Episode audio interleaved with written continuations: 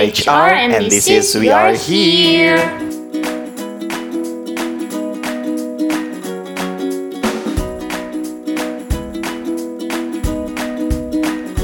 Yeay, halo lagi semuanya yang masih mendengarkan kita, yang masih setia dengan Hana dan Iqbal.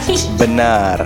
Nah, gue ucapin selamat pagi buat yang dengerin kita pagi-pagi dan selamat sore buat yang dengerin sore-sore. Dan selamat siang buat yang dengerin kita siang-siang dan selamat malam buat yang dengerin kita di penghujung hari. Terus buat yang lagi sakit, semoga cepat sembuh. Buat yang lagi sehat, semoga sehat terus. Buat yang lagi sedih, semoga cepat happy lagi. Amin. Dan buat teman-teman yang lagi galau gitu ya, eh, ditinggalin pacarnya atau diselingkuhin atau galau karena nggak dapat dapat kerja, gimana sih caranya biar perusahaan tuh mau gitu nerima gue gitu ya? Jangan galau-galau lagi, siap-siap aja pasang kuping, pasang headset. Kita dengerin podcast We Are Here kali ini karena kita akan bahas kupas tuntas tentang Recruitment 101. Yeay. Nah, seperti biasa, ingin mengingatkan kembali gitu ya. Pasti dong ada yang baru dengerin podcast kita untuk pertama kali nih. Nah, buat klien-klien yang baru dengerin podcast kita, hukumnya super duper wajib banget buat dengerin podcast kita sebelumnya. Karena nggak kalah menariknya daripada podcast yang akan dibahas kali ini. Berhubung kita mau ngebahas tentang rekrutmen, gue sering banget ditanyain sama adik tingkat atau temen kayak Kak, kita harus pelajari mata kuliah apa sih? Atau, Kak, nanti soalnya bakalan keluar kayak gimana sih? Gitu kan, dan itu banyak banget tuh yang nanya soal kebingungan-kebingungan tersebut Dan menurut gue nggak salah juga sih, wajar gitu kan Sebagai seorang fresh graduate yang nggak ngerti apa dan insecure banget pasti insecure nggak bisa ngisi tes. Karena ya gue pun pernah ada di posisi mereka gitu loh. Kayak semalam sebelum tes gue bingung panik gitu kan. Kadang nggak bisa tidur juga gitu loh. Dan itu wajar banget guys. Nah jadi hari ini kita akan ngebahas tentang rekrutmen 101 di Paragon. Biar nggak bingung lagi harus nyiapin apaan sih sebenarnya gitu kan. Sebelum kita ngebahas apa aja yang perlu disiapin, kalian perlu tahu dulu jenis-jenis rekrutmen besar apa aja yang ada di Paragon. Yang pertama ada POSH atau Paragon One Stop Hiring. Yang kedua ada JF atau Job Fair dan yang ketiga ada CR atau Campus Roadshow. Nah, dari jenisnya aja udah beda kan? Dan menyebabkan beberapa variabel yang berbeda juga. Makanya tahapannya bakal beda-beda juga antara jenis rekrutmen yang satu dengan yang lainnya. Tapi secara umum tahapannya yang bakal kalian laluin tetap sama, yaitu ada seleksi administrasi, tes psikotes, interview, dan medical check up. Nah, buat teman-teman yang belum tahu, Paragon itu sekarang udah punya website karir sendiri gitu.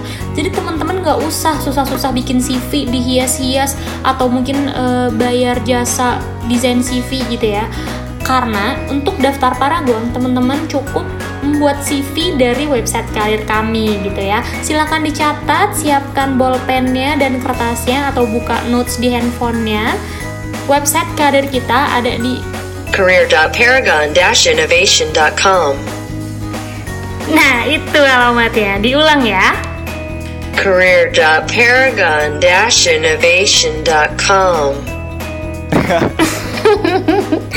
Makasih Mbak-mbak Google ya udah uh, bantu mengeja gitu ya. career.paragon-innovation.com gitu ya teman-teman. Kalian cukup buka websitenya aja gitu kan. Terus nanti kalian sign up. Dan nanti instruksinya mah jelas banget sih ya Bal ya. Tinggal buka aja websitenya. Di situ tuh uh, kalian nanti langsung sign up isi data diri itu sekaligus mem- membuild up uh, CV kalian di database kita gitu Nah dan nanti data kalian itu akan auto ke rekap di uh, sistem database kami kayak gitu. So easy right? Iya. Kayak lo tuh tinggal duduk, buka handphone atau buka laptop, terus buka website career tadi, habis itu ya udah tinggal isi data diri dan nanti tinggal pencet apply aja gitu kan, nggak usah ribet-ribet ke mana ngirimin CV, ngirimin CV ke kantor cabang mana gitu karena semuanya sekarang udah serba digital sih kayak gitu. Nah itu pasti nanti akan rutin di apa ya di manage lah. Kita ada tim rekrutmen juga kan yang yang selalu manage dan memaintain uh, selection proses Paragon kayak gitu. Gitu. Kurang lebih teman-teman penjelasan untuk tahapan-tahapan rekrutmen yang ada di Paragon. Jadi jangan bingung. Terus mungkin uh, ada juga nih grup telegram tuh. Gue pernah lihat ya Bal banyak banget tuh ada isu, apa sih gosip-gosip yang tidak bisa dipertanggungjawabkan untuk tahapan-tahapan tes Paragon. Nah, uh, mending denger dan percaya dari yang di podcast ini aja guys. Kenapa? Karena ini tuh resmi dari tim HR Paragon gitu ya yang udah bener-bener tahu seluk-beluknya dalam-dalamnya gimana. Jadi uh, kalau ada yang ngomong ABC nggak usah didengar, tutup kuping aja, dengerin aja podcast We Are HR karena di sini infonya valid gitu ya. Ngomong-ngomong nih buat temen-temen yang udah pada follow gitu ya Instagram Grow at Paragon dan buat yang belum follow silahkan follow dulu karena di situ banyak banget info-info update tentang rekrutmen juga salah satunya dan anything about Paragon.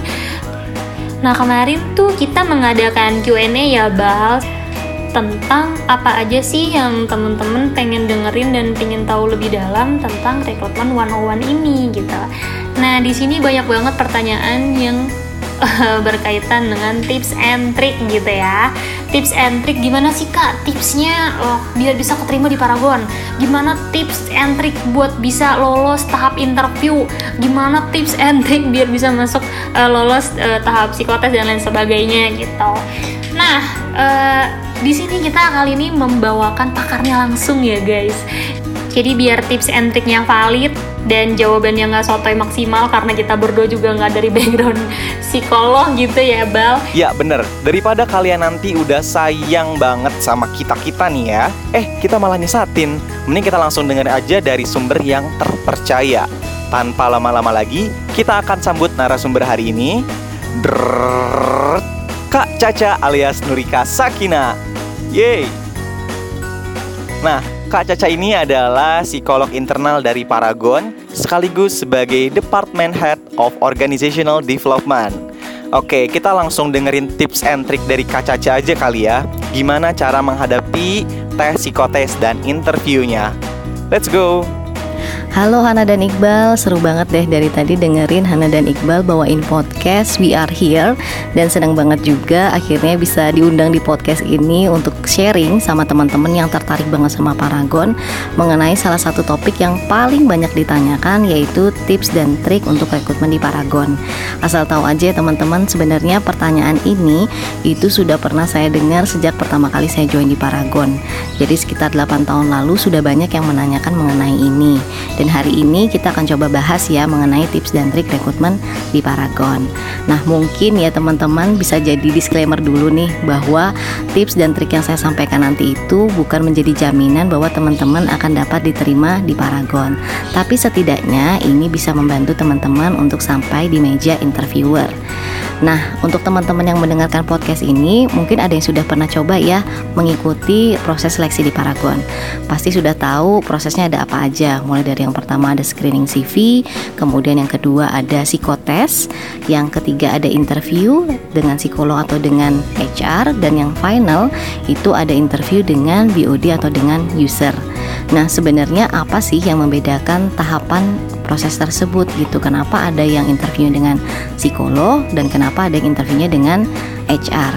Jadi yang membedakan itu adalah posisi yang teman-teman lamar ada dua program yang kita tawarkan, ada MT dan juga PLDP. Nah, dua program ini akan membedakan proses seleksinya seperti apa. Itu oke, mungkin nggak berlama-lama lagi ya teman-teman. E, tips dan trik yang pertama terkait dengan rekrutmen di Paragon. Yang pertama untuk e, screening CV gitu. Nah, sebenarnya seperti yang tadi sudah disampaikan oleh Hana, teman-teman sekarang nggak perlu repot-repot untuk ngedesain CV lagi gitu, karena kita sudah punya satu platform, ada website karir di mana teman-teman tinggal memasukkan informasi yang akurat mengenai diri teman-teman. Itu karena nanti dari sana kita akan melakukan screening sesuai dengan ketentuan atau kriteria yang kita butuhkan. Bagi teman-teman yang lolos nanti akan masuk ke tahap berikutnya yaitu ada psikotes. Psikotesnya dibagi menjadi dua yaitu ada psikotes awal dan juga psikotes lengkap gitu. Nah, di sini sebenarnya pertanyaan yang paling banyak muncul dari teman-teman ya biasanya gitu. Sebenarnya ada nggak sih gitu tips untuk bisa lolos psikotes? Sebenarnya nggak ada ya teman-teman kalau tips untuk lolos psikotes. Walaupun kita tahu sama-sama di internet banyak sekali yang mengulas mengenai ini, tapi sebenarnya nggak ada yang menjamin juga kan kebenaran dari tips yang disampaikan tersebut. Karena memang sebenarnya tidak ada tips untuk keberhasilan lolos psikotes. Seperti yang mungkin teman-teman biasa dengar dari pihak HR maupun dari pihak psikolog mengenai psikotes sebenarnya hanya ada satu kunci sih supaya teman-teman itu bisa maksimal pada saat psikotes yaitu teman-teman harus fokus gitu. Ketika teman-teman fokus, setidaknya itu sudah 70% akan membantu teman-teman bisa mengikuti setiap proses psikotes dengan baik gitu, dengan maksimal sesuai dengan kemampuan yang teman-teman miliki. Jadi fokus ini dimulai dari mana gitu, mulai dari persiapannya gitu. Kalau teman-teman tahu persiapannya ada apa aja, mulai dari teman-teman itu pada saat menerima undangan melihat dengan seksama undangan tersebut kira-kira akan dilaksanakan kapan tesnya, kemudian lokasinya di mana, apa saja peralatan yang harus dibawa. Nah, itu teman-teman harus benar-benar cek, teman-teman harus pastikan. Nanti selain itu teman-teman juga harus mempersiapkan dirinya gitu khususnya secara mental dan fisik. Biasanya teman-teman akan disarankan untuk beristirahat cukup gitu makan dengan cukup dan kami sangat tidak merekomendasikan teman-teman untuk belajar psikotes. Apa pun yang teman-teman pelajarin yang mungkin teman-teman selama ini merasa itu jadi satu kelemahan atau mungkin dianggap sebagai faktor yang membuat teman-teman gagal psikotes itu jadi nggak perlu teman-teman belajar entah itu menjumlahkan entah itu teman-teman belajar menggambar nggak perlu teman-teman jadi yang penting teman-teman dapat istirahat yang cukup makan yang cukup sehingga besoknya teman-teman bisa fokus untuk mengikuti psikotes Nah, itu tadi di fase persiapannya. Bagaimana dengan pada saat teman-teman mengikuti fase psikotesnya gitu. Sebenarnya sama teman-teman. Tipsnya teman-teman harus fokus juga gitu. Jadi fokus di sini adalah uh, teman-teman datang ke lokasi tepat waktu. Jadi nggak datangnya tergesa-gesa atau datang terlambat, nggak tahu ruangannya di mana, nggak bawa alat tulis yang dibutuhkan gitu. Jangan sampai seperti itu. Jadi kalau teman-teman sudah prepare itu sebelumnya, teman-teman bisa lebih fokus pada saat hari H. Nah, fokus pada saat hari A ini seperti apa? Jadi, teman-teman harus memastikan dan juga dengan seksama memperhatikan setiap instruksi yang disampaikan oleh tester gitu. Jadi nanti pada saat mengikuti psikotes, teman-teman akan dipandu oleh seorang tester bisa lebih. Kemudian nanti di sana dia akan menyampaikan setiap instruksi yang akan diikuti oleh teman-teman gitu. Ada beberapa rangkaian uh, psikotes yang akan teman-teman ikuti. Nah, silakan teman-teman dengan seksama memperhatikan apa yang disampaikan oleh tester. Jadi kalau ada yang teman-teman nggak paham, jangan bertanya dengan teman di sebelahnya karena belum tentu teman di sebelahnya paham juga dan belum tentu mereka akan mau membantu kalian karena di sini kan kalian juga berkompetisi gitu. Jadi sebaiknya tanyakan saja sama tester apa yang mungkin belum jelas dari yang sudah disampaikan oleh testernya. Nah, itu tadi adalah tips pada saat teman-teman mengikuti psikotes. Jadi sudah ya, mulai dari persiapannya seperti apa, kemudian pada saat pelaksanaannya juga seperti apa. Sebenarnya intinya adalah teman-teman harus fokus. Itu. Nah, kemudian kita masuk ke tahap berikutnya yaitu ada tahap interview. Nah, sebenarnya apa sih yang dicari gitu ketika kita mengikuti interview gitu? Apa sih yang mau dilihat atau apa yang mau diharapkan dari sana? Nah, sebenarnya ketika kita melakukan proses interview, itu kita sedang melakukan proses klarifikasi atau validasi dari apa yang mungkin sudah teman-teman tuliskan pada saat psikotes itu. Jadi bisa aja nih kalau teman-teman ada yang lihat uh, tips and trick psikotes di internet, kemudian teman-teman mencontoh gambarnya misalnya atau melakukan sesuatu dengan psikotesnya, biasanya nanti akan kelihatan dari sana. Kok bisa mana mungkin gitu ya ada 50 orang yang ikut psikotes, hasil tesnya gambarnya bisa sama semua. Nah, itu biasanya akan menunjukkan kecenderungan kita gitu bahwa mungkin teman-teman ada indikasi melihat uh, atau habis baca-baca uh, terkait dengan psikotes yang ada di internet. Itu kan nggak mungkin ada 50 orang yang memiliki misalkan kepribadian sama atau profil yang sama gitu. Nah, di situ perannya kita melakukan interview adalah untuk menggali lebih banyak mengenai teman-teman, pengen tahu teman-teman itu sebenarnya seperti apa dan untuk memvalidasi apa-apa saja yang sudah teman-teman tuliskan atau teman-teman kerjakan pada saat psikotes gitu. Nah, untuk proses interview ini sendiri sebenarnya memang ada beberapa hal yang menjadi perhatian kita gitu. Mulai dari bagaimana teman-teman berpenampilan, seperti pakaiannya gitu, kemudian cara teman-teman bersikap selama proses interview itu akan menjadi salah satu hal yang kita perhatikan juga gitu. Untuk berpakaiannya ini yang penting bersih, sopan dan profesional gitu.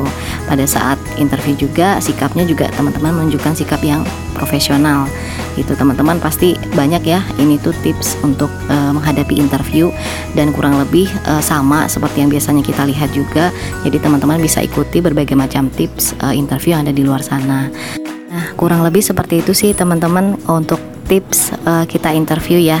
Gitu mungkin yang membedakan antara interview dengan psikolog dan HR dengan interview final adalah biasanya pada saat interview final itu kita juga melihat kecocokan antara si kandidat dengan budaya yang ada di perusahaan.